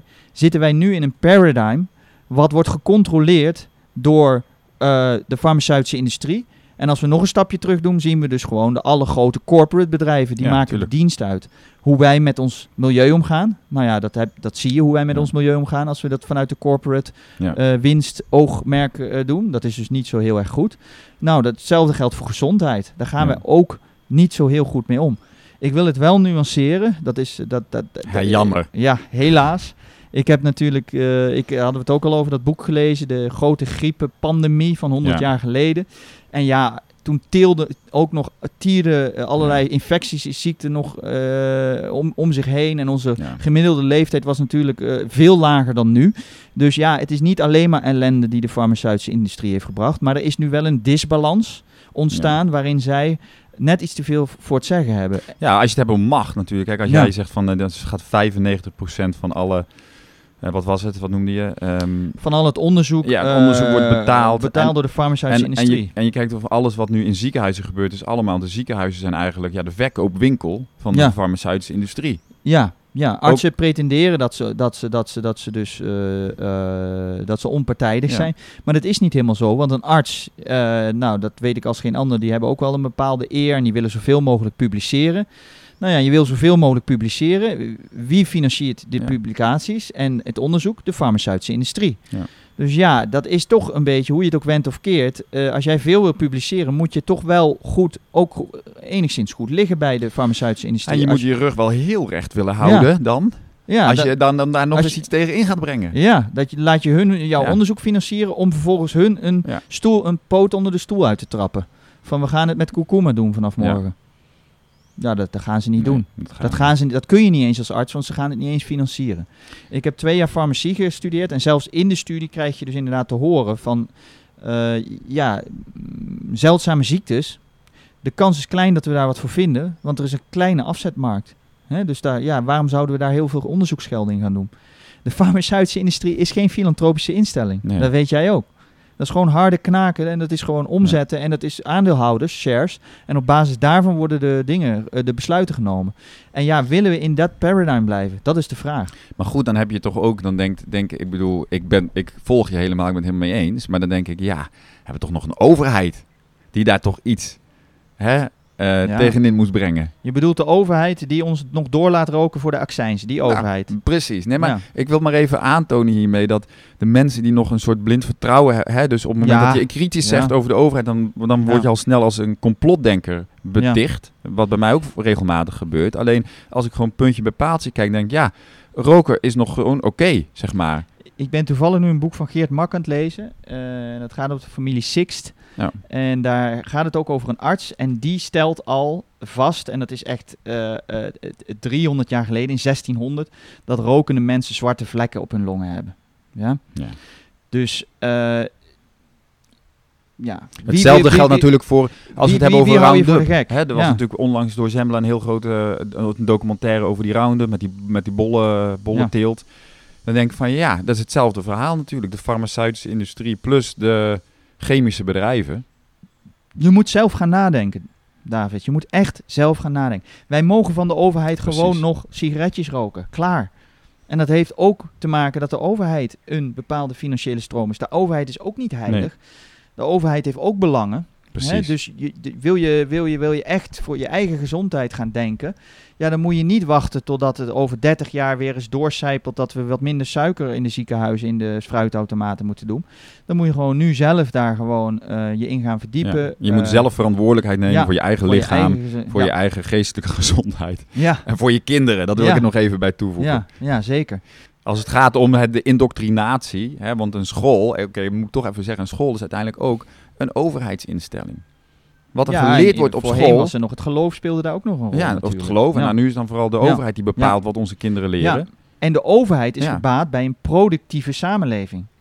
Waar we dus gewoon netjes met doen. economische groei. Precies. Ja, dus in dat opzicht, eh, maar dan gaan we wel heel erg Dat is een heel, ja, maar dat, dat is mijn, dat vind ik een leuk onderwerp. Daar gaan we nu niet uitgebreid over Ja. doorpraten. Maar laat wel even Misschien ga ik van- jou een keer Ja, interviewen. moet je doen. Ja. Maar, maar laat wel even zien van oké, hoe waar staan de poppetjes? En waar, Ja. waar moeten wij als maatschappij met z'n allen naartoe? Wie heeft wat voor soort agenda met ons? Ja, Hè, Ja. Er is een agenda. Als, Ja. je niet als je denkt oh, in je leven van nee, ik ben, ik ben helemaal vrij, ik bepaal alles. Nou, er is een agenda. de grote, de grote ommezwaaien in beleid zijn vaak toch vanuit, vanuit het volk gekomen. En niet vanuit de overheid. Als wij zeggen, weet je, ik ga dat gewoon niet meer doen. Ja, de revoluties heb Ja, ik dan over. dat noemen we Ja, revolutie. Van we gaan het nu echt anders doen. Kijk, een overheid die, die schaaft wat bij en die stuurt wat bij. Maar als je op een gegeven moment denkt, ja, ik wil, dit wil ik niet meer. Nee. Ja, dan, dan gaat, dat gaat een overheid niet doen. Nee. Die, die, gaat, die, die, die, die zet lange lijnen uit waar, waar, waar je dan rustig langs kan bewegen. Dat het vooral ook niet te schadelijk is voor Ja. het bestaande systeem. Hè, want dat is onrust. Ja, En onrust willen we niet ja, hebben. we en niet de hebben. belasting moet gewoon Ja. binnen blijven druppelen, En linksom dan of kunnen we rechtsom. heel rustig misschien het klimaat wat beter maken. Ja. Ja. we zitten op één lijn wat dit betreft. Ja, nee, natuurlijk. Ik bedoel, Ja. het is overduidelijk. Alleen, Ja. ik, ik, ik, ik denk, er, is, er is in Nederland is er een hele grote scepsis tegen mensen die ehm, ja, heel kritisch zijn op de overheid over dit soort zaken. Het klimaatakkoord, maar ook de, Mhm. ehm, hè, dus de farmaceutische industrie en de hele, al dat, dat, dat gif wat we op ons eten spuiten. Ja, Ja, ja, dat, nou, dat ja, is gewoon bizar. ja, nou, dus, dus wij vertrouwen de overheid, maar de overheid vindt het oké dat er gif op mijn eten gespoten wordt, dat we daar dan weer kanker van krijgen. Nou, dat, dat is grappig dat je dat noemt. eh, want dat is ook in dat boek komt het naar voren. Dus ik zou hem echt op je lijstje Ja. zetten. Eh, en dat, dat, dat gaat. eh, da- een van zijn onderzoeken is ook dat hij dus gaat kijken naar de re- regelgeving van pesticiden. En wat daaruit komt, dat is shocking. Ja. Laten we eerst helemaal bij het begin beginnen. Ehm, de meeste pesticiden, zo niet alle, zijn kankerverwekkend. Ja. Ja? Hoeveel kankerverwekkende stof wil jij in je lichaam? Dat is eigenlijk de vraag. Nou, daar gaan een aantal mensen gaan zich daarmee bemoeien om dat voor jou vast te stellen. David. ja, Ja, ze een voor hoeveel- gemiddelde. dat is hoeveel mag jij kankerverwekkende Ja. stoffen in je lichaam krijgen. Nou, en daar zijn natuurlijk belangen bij. Daar zit natuurlijk ook een voedselindustrie om tafel. Ja? Lees lobby. Ja. Ja. Die kunnen daar invloed op uitoefenen. Eh, dat neemt niet weg dat je dus toch eh, wordt besloten dat jij een bepaalde hoeveelheid, en dat noemen ze dan veilige dosering, dat is natuurlijk waanzinnig misleidend, Ja. eh, eh, eh, op je eten mag spuiten. Nou, dat is tot daar aan toe. Dat is misschien praktisch. Oké, ja, anders kunnen we niet zoveel voedsel. Als we daar weer op ingaan, dan kunnen we, Ja. zijn we weer een discussie verder. Maar Ja. oké, we moeten dat om zoveel te kunnen produceren pesticiden gebruiken. Oké, fruit. Maar wat helemaal shocking is, is dat ze dus per pesticide je veilige dosering veil, Ja, v- en- ehm, vaststellen. En op bijvoorbeeld Amerikaanse aardbeien zitten al 15 soorten pesticiden. Ja, het stapelt. Gemiddeld. Het stapelt. En het stapelt. ja. Ja. En Dus van iedere pesticide zet je nog netjes binnen de ja, norm. Ja, precies. Maar en ik vraag me af 15. waarom je kanker krijgt. Ja, dus dan heb je vijf. En sommige pesticiden, 1 plus 1 is niet altijd 2. 1 plus 1 kan soms 10 zijn en soms 100 zijn. Ja, en dat is dus, dat is dus als je het dan hebt over bewustwording. Ja.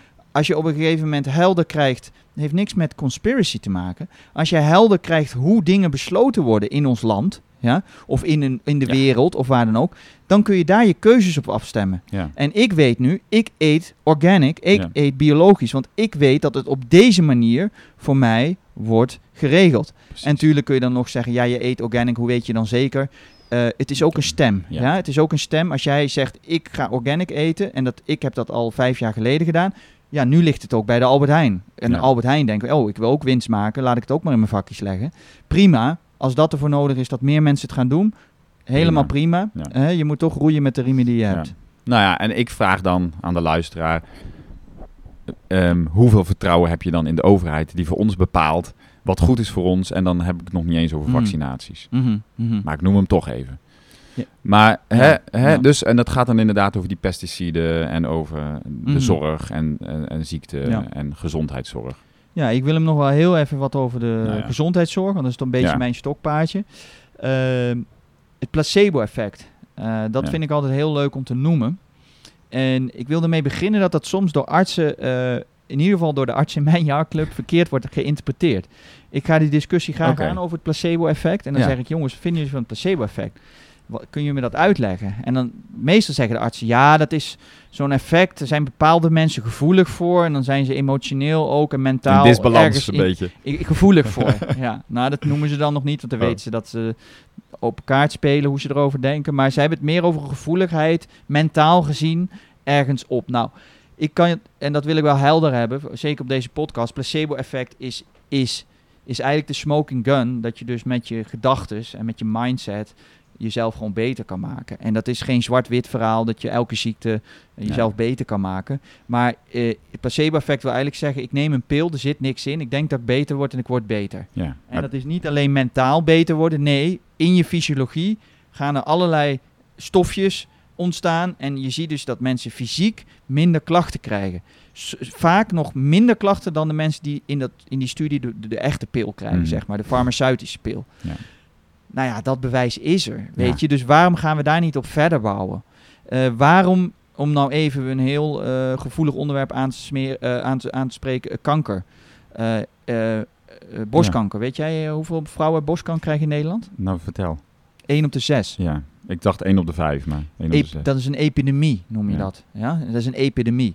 Wat is ons antwoord op die epidemie vanuit de gezondheidszorg? Weet je dat? Medicatie.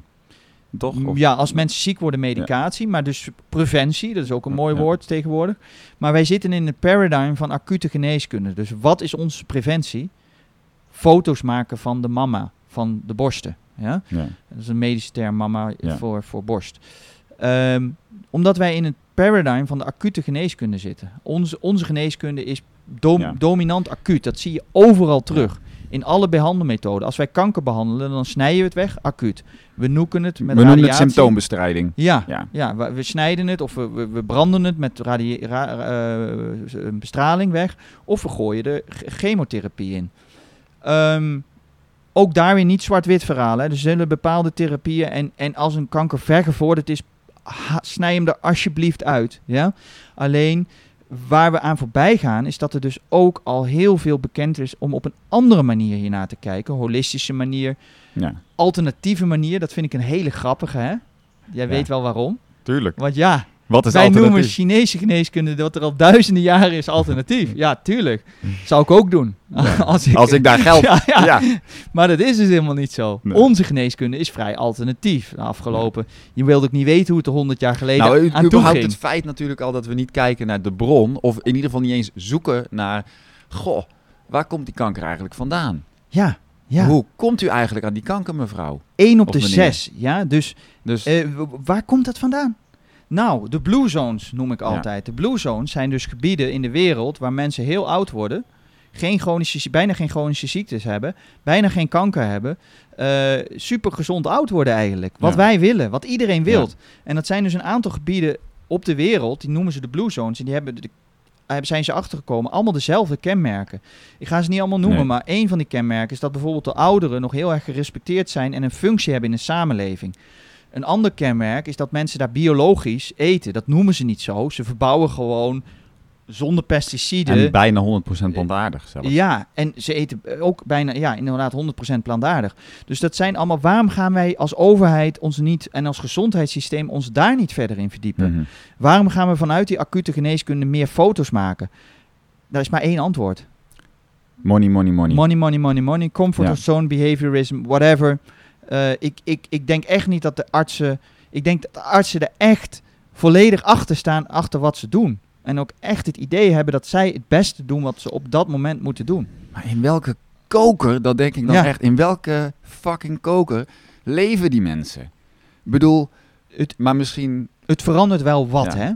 Vroeger was er in het ziekenhuis een hele duidelijke scheiding tussen het lichaam en de geest. Je ziet wel steeds meer dat Ja. ze zien van, hé, hey, die hebben met elkaar wel wat te maken.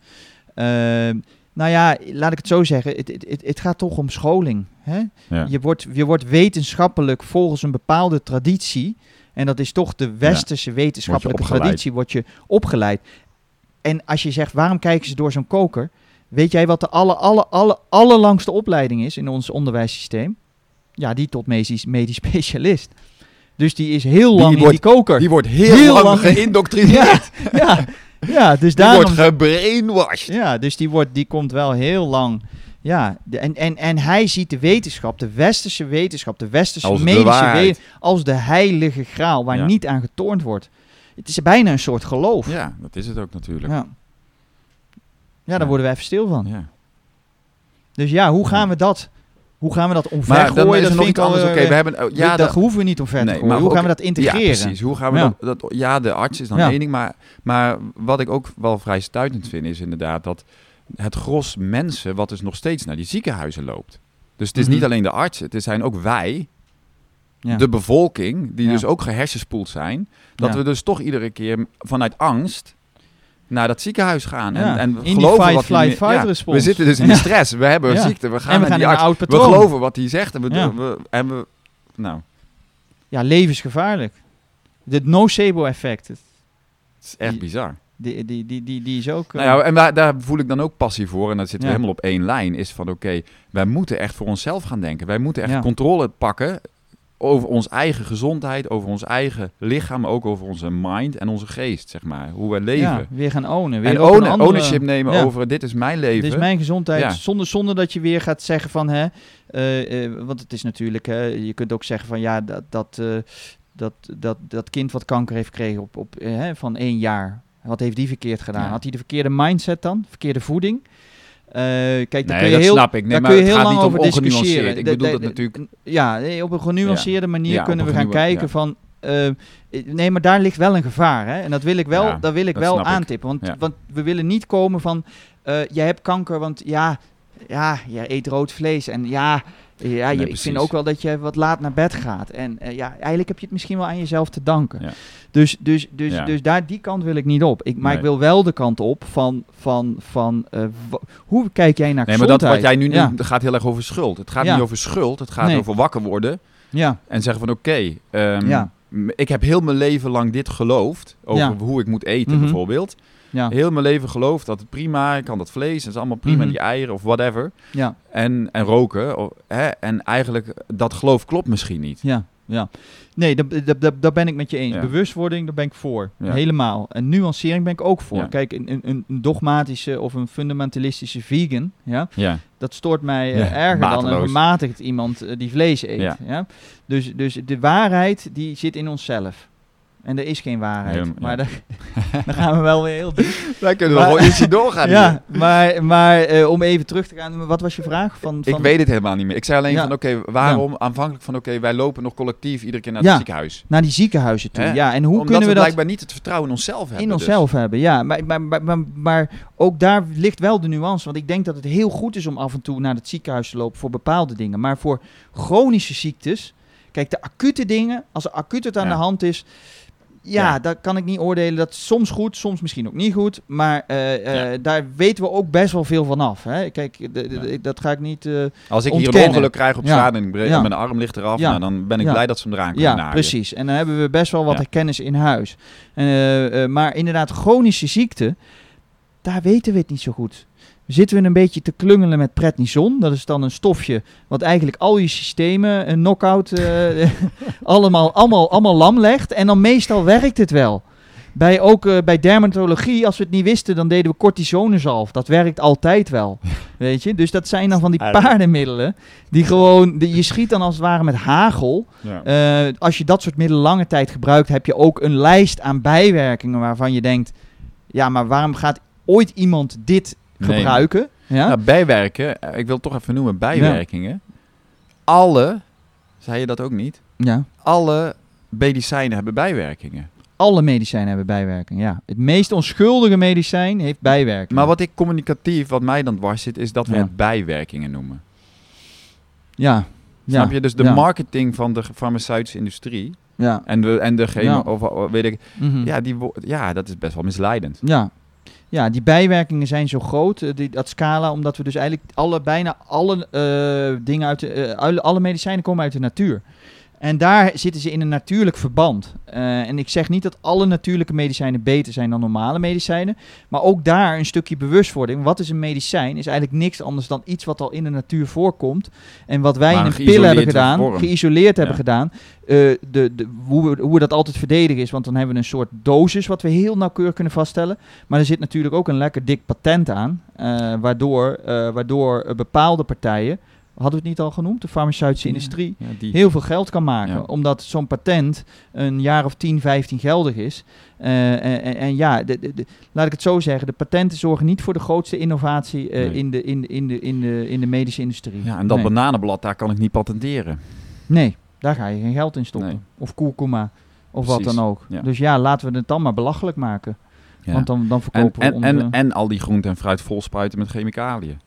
ja. Ja, nou daar zit de farmaceutische industrie niet achter. Nou ja, hoop ik. daar zitten vast link, ik geloof, daar zitten vast linkjes. Ja, daar zit een link. Want waar komen, die waar komen die ingrediënten vandaan? Ja, Van, ja. die, van die medicijnen? Ja, Nee, serieus, waar komen die ingrediënten ja vandaan? dat is de ik zou wel eens een, ja, de chemische industrie. En wie zorgt voor eh, onze Roundup? ja. De chemische industrie. Ja. Ja. Dus ik ben wel... ja, dus we zitten er heel erg diep in. Ja. En maar, maar om nog even een positief geluid te laten horen. ja, graag. Ja, eh, wat kunnen we eraan doen? Ja. Nou, mijn missie, en ik voelde het ook zo, is die paradigm shift, die kan komen door bewustwording. Nou ja, niet iedereen zit op het pad van de bewustwording. Ja. dus die paradigm shift krijg je niet met die, ja, nou, dat, dat kunnen we ook weer over filosoferen. Maar ik denk De dat je dus, wetenschap is ook een pad. Ik denk dat we de- op het gezondheidszorg eh, toch die wetenschap nodig hebben om de zorgverzekeraars te overtuigen dat we op eh, low cost, hè, met gewoon een beetje breeden en ijs en misschien nog allerlei andere holistische methodes, acupunctuur. eh, Ja. Er is in, Amsterdam gelukkig ook een Chinees ziekenhuis, hè, waar je Ja. ook nog naartoe zou kunnen. Voor de mensen in Amsterdam, de, de luisteraars. Zodat we, ik wil er naartoe. Niet zozeer dat we een volledig holistisch gezondheidssysteem krijgen. Ik wil er naartoe dat we communicatie krijgen en een synergie tussen, de tweede systeem, oh, tussen die twee Ja. systemen. Dus we krijgen ook straks een heel mooi holistisch ziekenhuis, waarin top-notch de beste specialisten op dat gebied zitten. Er is een hele mooie verwijzing tussen die twee. Want de artsen die zitten ook niet te wachten op mensen met psychosomatische klachten. Vinden ze maar wat lastig, weet je. Ja. Eh, dus die verwijzen ze door naar het holistische ziekenhuis. En vice versa. Hè, als een holistisch ziekenhuis denkt van oei, dit vind ik toch wel een beetje spannend. eh, hè, eh, laat ik het maar doorsturen naar het eh, conventionele ziekenhuis. Dan kunnen ze daar even een scan maken. Of een, een bloedkweekje doen of wat dan ook. Daar Ja. geloof ik heel erg in. En dat de zorgverzekeraars gaan daar een key role in spelen. Want die gaan ja, toch het holistische meer en meer binnenlaten. En die kunnen dat alleen doen met wetenschappelijk onderzoek. Dus holistische methoden moeten we met wetenschappelijk onderzoek gaan onderbouwen. Ja. Amen. Aho. Aho. Ehm, zo. Ja, dat is hem. Ik kom, kom natuurlijk ook met één poot uit de wetenschap, eh, uit de gezondheidszorg. Ja. En ja, een andere poot holistisch. eh, jij zei arts, ik moet toch even zeggen therapeut. Ja. Ehm, en ja, ik, ik, ik heb die brugfunctie in mezelf eigenlijk. En ik hoop dat ik daar mensen mee in mee kan nemen. Ja. Ehm, en dan gaat het allemaal om vertrouwen en om ehm, Ja. out of the comfort zone. Ja. Oké, ik denk dat we dit onderwerp dat we het wel aangeraakt hebben. Wat Mhm. gezegd moest worden is wel gezegd. Ja, dan kan mijn eh, stem weer een octaafje la- nee, dat is helemaal lager. prima. Ik hou er wel Ik van. heb het... eh, mag, mag. Ja, ik heb hem... eh, Maar ik dacht wel even van, ja. ehm, ehm, jij bent natuurlijk super gepassioneerd hierover. Maar je noemde in het begin van de podcast van ja, het heeft mij ook veel gebracht. mhm. Even naar jouw stuk. Ja, Wat heeft de Wim Hof methode, als het gaat om de wat heeft die jou gebracht? mij persoonlijk. Jij, zei ja. ook, jij noemde ook een crisis. Ja, ja voor, voor mij persoonlijk heeft, eh, heeft, eh, heeft de Wim Hof methode mij weer in mijn kracht gezet als man. Ja. Hmm. Wim is echt het archetype, ja. ik zeg niet man, want dat is te, dat is te algemeen, maar hij heeft wel heel veel mannelijke energie. En mannelijke energie bedoel ik eh, eh, manifestatiedrang. Ja? Dus Mm. om dingen neer te zetten, om dingen Ja. te doen. Ja. Hij zegt, ik doe dat. Ik beklim die berg. Ik stap in dat huis. Maakt me niet uit. Ik doe het. ja, want ik heb een missie. Ik heb een missie. Ja. Ja, dus, dus daar heeft hij mij in aangestoken. En wil ik hem ook echt de credits geven. Als ik kijk hoe ik mijn workshops doe, eh, da- dat is wel echt geïnspireerd op Wim. Ja. En natuurlijk heb ik daar mijn eigen sausje overheen gedaan. Ja. Maar het is meer dat het van mij was en dat ik het sausje van Wim erover heb gedaan. Ja, het maakt niet uit. Het, Nee. loopt lekker. Ja. Het gaat goed. Ehm, maar ja, Wim heeft voor mij wel betekend, ga in die kracht staan en ga het doen. Ja. En in mijn geval was dat workshops geven, eh, mensen bewust maken, eh, eh, Ja. het pad op van, van, het, van het holistische. Eh, eh, en, en langzaam. eh, ja. Waar, waar loopt het onderzoek wat nu... Lopen er nu nog onderzoeken na de Wim Hof methode? Zijn er nog er nieuwe... lopen onderzoeken, ja zeker. Ja, zeker. Ja, dus de... eh, dus Die kun je ook allemaal vinden bij Wim op de site. En ehm, eh, dat zijn onderzoeken naar pijn, dat zijn onderzoeken naar depressie, dat zijn onderzoeken naar auto-immuunziektes. Oké. Ja, Ja. En, en dat wordt wel de volgende stap, eh, David. Als, als, als die uitkomen en die zijn positief, laten we nog even niet op de zaak Worden die in. Nederland uitgevoerd, die onderzoeken? Of? In Nederland en en Amerika. United States. Ja. En als die uitkomen, dan zullen, kunnen we de volgende stap maken. Dan zullen de zorgverzekeraars mee gaan doen. Ja. Ja, en wat, waar, wat er daaruit Ja. ontstaat, dat is... eh, Want wat is, eh, je noemde natuurlijk al even in dat diepe stuk, zeg maar. Hè? Dan Mm. komen er dus alle eh, stofjes vrij. Daar gebeurt dus echt van alles. En is dat te Mhm. onderzoeken, wat er, dan, wat er dan vrijkomt in het lichaam? Dat kun je wel dus meten of zo. Ja, het laatste onderzoek van Wim, we hebben net het endotoxine-onderzoek besproken. Het laatste onderzoek, dat is weer een NS1, dus Wim gaat in de scanner liggen.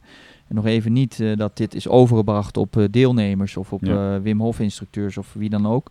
En daar zien, zien we dus echt duidelijk dat hij in de hersenen opioïden en cannabinoïden, dat zijn stofjes die bij depressie een hele belangrijke Mhm. rol spelen, dat hij die vrij kan maken. En dat doet hij zonder te ademen, dat doet hij zonder de kou. Dus het is gewoon puur mindset. Maar ja, dat is boeiend. Ja, maar het is niet dat hij denkt aan die stofjes en dat die stofjes... Nee, is toch? Nee, Dus- het is waarschijnlijk toch door te doen, door te ervaren, eh, dat hij die capaciteit heeft. maar hij heeft eh, natuurlijk ook al twintig... Ik weet niet hoe lang doet ja, hij, die hij, man dit hij al. doet dus- dat al twintig jaar, te ademen en de ja, kou in. precies. Dus Dus hij heeft het lichaam hergeprogrammeerd, hergeconditioneerd, maar op een dusdanige wijze dat hij daar dus nu de kou en het ademen niet meer voor nodig heeft. Ja. Hij kan ook zonder ademen, want in zo'n scanner kun je helemaal niet bewegen, nee. kan hij warmte genereren in zijn intercostale Dat muscles. is bizar. Ja. Gewoon puur. En dat is dus, en dat is dus de essentie. Mindset. Ja. Dus wij, zijn veel, wij kunnen veel meer dan wij denken. Die geest is zo, zo ontzettend belangrijk. Mhm. Er is onderzoek dat als je een hartinfarct krijgt en je, en je bent depressief, dat je veel grotere kans hebt om een tweede hartinfarct te krijgen. Zo dicht zit het bij elkaar. Ja. Nou ja, en jij noemde, dat vond ik natuurlijk interessant, dat, dat ook Ja. DMT eh, vrijgezet wordt door de breathing of Ja. weet ik het. Zeg D- maar. Dus Ja, DMT, ja. Ja. Dimethyltryptamine. ja. Ja, dat, dat, dat, dat, dat is eigenlijk een heel fijn stofje. Althans, het wordt niet door iedereen als fijn ervaren. Het is een fijn, een, een, een- een, een inzichtgevend stofje, wat dus inderdaad vrijkomt ook bij ayahuasca. Eh, dan op een andere manier. En dat, dat ja, werd vroeger ook door de shamanen en, eh, gebruikt om, om inzichten te krijgen. En nu wordt het toch steeds populairder onder eh, ja, gewoon iedereen Ja. om, om, om, om, om jezelf beter te leren kennen. Ja. En dat is een manier. En, Maar het is inderdaad eh, ja, bizar eigenlijk. Dat Ja. je dus inderdaad, ja, dat wij controleren deze machine, dus kunnen. We doen het al, Ja. alleen we beseffen dat niet. Dus Ja, we wat- doen het ook wat- negatief wat- natuurlijk. Wat ik altijd zeg is van ja, als wij gewoon nu in de tijdmachine stappen en we gaan 50 jaar vooruit en we kijken terug, ah, dat is best wel schattig wat we allemaal doen. En wat we allemaal weten. Wat? Schattig. Ja, Ja. dus ja, ik, ik heb, daarom is mijn allergie zo groot tegen mensen die denken dat ze de waarheid hebben. Ja. Want die is er dus niet. Nee. Want, want, want er is energiebanen. Er zijn nu al onderzoeken die die vaststellen, maar we snappen er nog geen ene snars Nee. van. Dus ja, dan kun je wel heel hoog gaan roepen dat je iets weet over iets, maar dat, Ja. je, je weet dus het is het begin van een konijnenhol en misschien Ja. gaat het konijnenhol nog wel vele malen dieper. Ja, en wat is er al niet aan kennis allemaal? Wij denken dat we nu op onze top van onze kunnen zitten, maar wat is er niet al aan kennis misschien verloren gegaan in de afgelopen duizend jaar? Nou ja, kijk maar naar de Ja. oude beschavingen. Ja. Wat wisten naar- die allemaal wat wij niet wisten? Ja, hoe hebben ze die fucking piramides gebouwd? Ja. Kunnen we ze niet nadoen. Nee. Nee, precies. Dus, Dus, dus, dus, ja. dus, dus, ja, wij zijn, wij zijn, we voelen ons soms superieur, maar eigenlijk weten we nog bijster weinig. Ja. En, dat, en dat is eigenlijk het stukje spiritualiteit en zingeving in het leven. En, Precies. en, en daarom, eh, ik, ik, ja, die wetenschap is heel mooi, maar als jij, alleen maar in de wetenschap leeft, is je, lichaam, is je leven best wel leeg. Want er is geen ruimte voor Verwondering. verwondering. Nou ja. voor, voor, voor, ja, wat kan er allemaal Nog nog, zijn ja. tussen hemel en aarde, om het zo maar Ja. te zeggen. Of in je lichaam, of in je hersenen, of wat dan ook. Nou, heel veel. ja. Nou, dat vind ik dan een mooi om mee af te sluiten. Ja. En dat is het weer leerling worden. En dat vind ik ook zo mooi. Dat voel ik bij mezelf ook. Ik ben eigenlijk een leerling op een gegeven moment geworden weer van ja, alles wat Mm. er is. Want er is nog Mhm. zoveel wat ik niet weet. Ja. Ik weet eigenlijk een paar weinig. Ja, dat is, dat, dat, Ja. Is, het- dat, dat is de essentie van zelfontwikkeling. Is dat jij alles wat je doet vol overgave en verwondering doet. Aho, Aho. dankjewel voor het luisteren. We gaan nog even, Bart, waar kunnen mensen jou vinden? Mensen kunnen mij eh, vinden als ze Bart Biermans ergens op Instagram of Facebook of Google intypen. Dan eh, eh, wil je specifiek mijn website, dan is het icemantrainingen.nl. Oké. En daar, Daar staan data, je- waar je denkt, Daar vind je mijn workshops, Ja. retreats, et cetera. Mooi, dan gaan we hem afronden. Yes, Hoe voel je je? ik voel me gezegend Mooi. Ik ook. om in jouw podcast te hebben mogen participeren. Nou, ik vond het super. Ik ben, eh, een, het is eh, heel mooi hoe we elkaar ontmoet hebben. Dat dit zo is ontstaan. ja, Dus ehm, van mijn kant ook. het flowde ook lekker. Ja. We hadden niet anders verwacht tussen ons en in deze schitterende omgeving. Want dat hebben, dat hebben ze nog niet verteld natuurlijk. Nee, we zitten hier natuurlijk wel in het paradijs. Ja, dat We maakt wel heel veel goed. ja, te maar- filosoferen over de wereldproblemen. Ja, precies. Ja, Oké, Bart, eh, er komt nog wel een vervolg. Denk Ehm, ik ook. Dankjewel. En eh, Graag gedaan. tot volgende Let the week. force be with you. tegen de luisteraar. May the force be with you. Yes. Auw. Oké, je bent weer aan het einde gekomen van deze podcast. Ik vind het super tof dat je geluisterd hebt. En eh, ik wil je vragen, als je deze podcast waardevol vond, wil je hem dan delen met een vriend of een vriendin? Ik waardeer dat enorm. Ehm, en eh, wat je ook kan doen is een korte review achterlaten in de Apple eh, Podcast app. Eh, wil je meer weten over deze podcast? Wil je andere afleveringen luisteren? En ben je misschien nieuwsgierig ehm, wat ik in Bali doe? Eh, kijk dan even op mijn website davidpieters.com, eh, waarin je wat meer informatie over mij, mijn gezin en ons vindt. Ehm, je kan mij volgen op Instagram, @davidpieters en ook Bart Biermans kun je terugvinden op Instagram. Eh, ik deel daar wat meer over ons leven. Ik doe wel regelmatig dagelijkse stories. Ehm, en waarmee ik je wil inspireren voor een leven van vrijheid. Ehm, nou, daarmee gaan we deze week afronden. Volgende week ehm, is er een nieuwe aflevering en daarin gaan, de, gaan wij de microfoons omdraaien en eh, gaat Bart met mij in gesprek over mijn leven. En dat wordt een hele interessante aflevering, kan ik je ook alvast verklappen. Eh, meer ga ik daar nog niet over zeggen. Eh, en mocht je niet kunnen wachten, ja, misschien wil je dan een van mijn oudere afleveringen afluisteren. ehm, die stuk voor stuk enorm waardevol en inspirerend zijn, al zeg ik het zelf. Ehm, tot volgende week. Doei!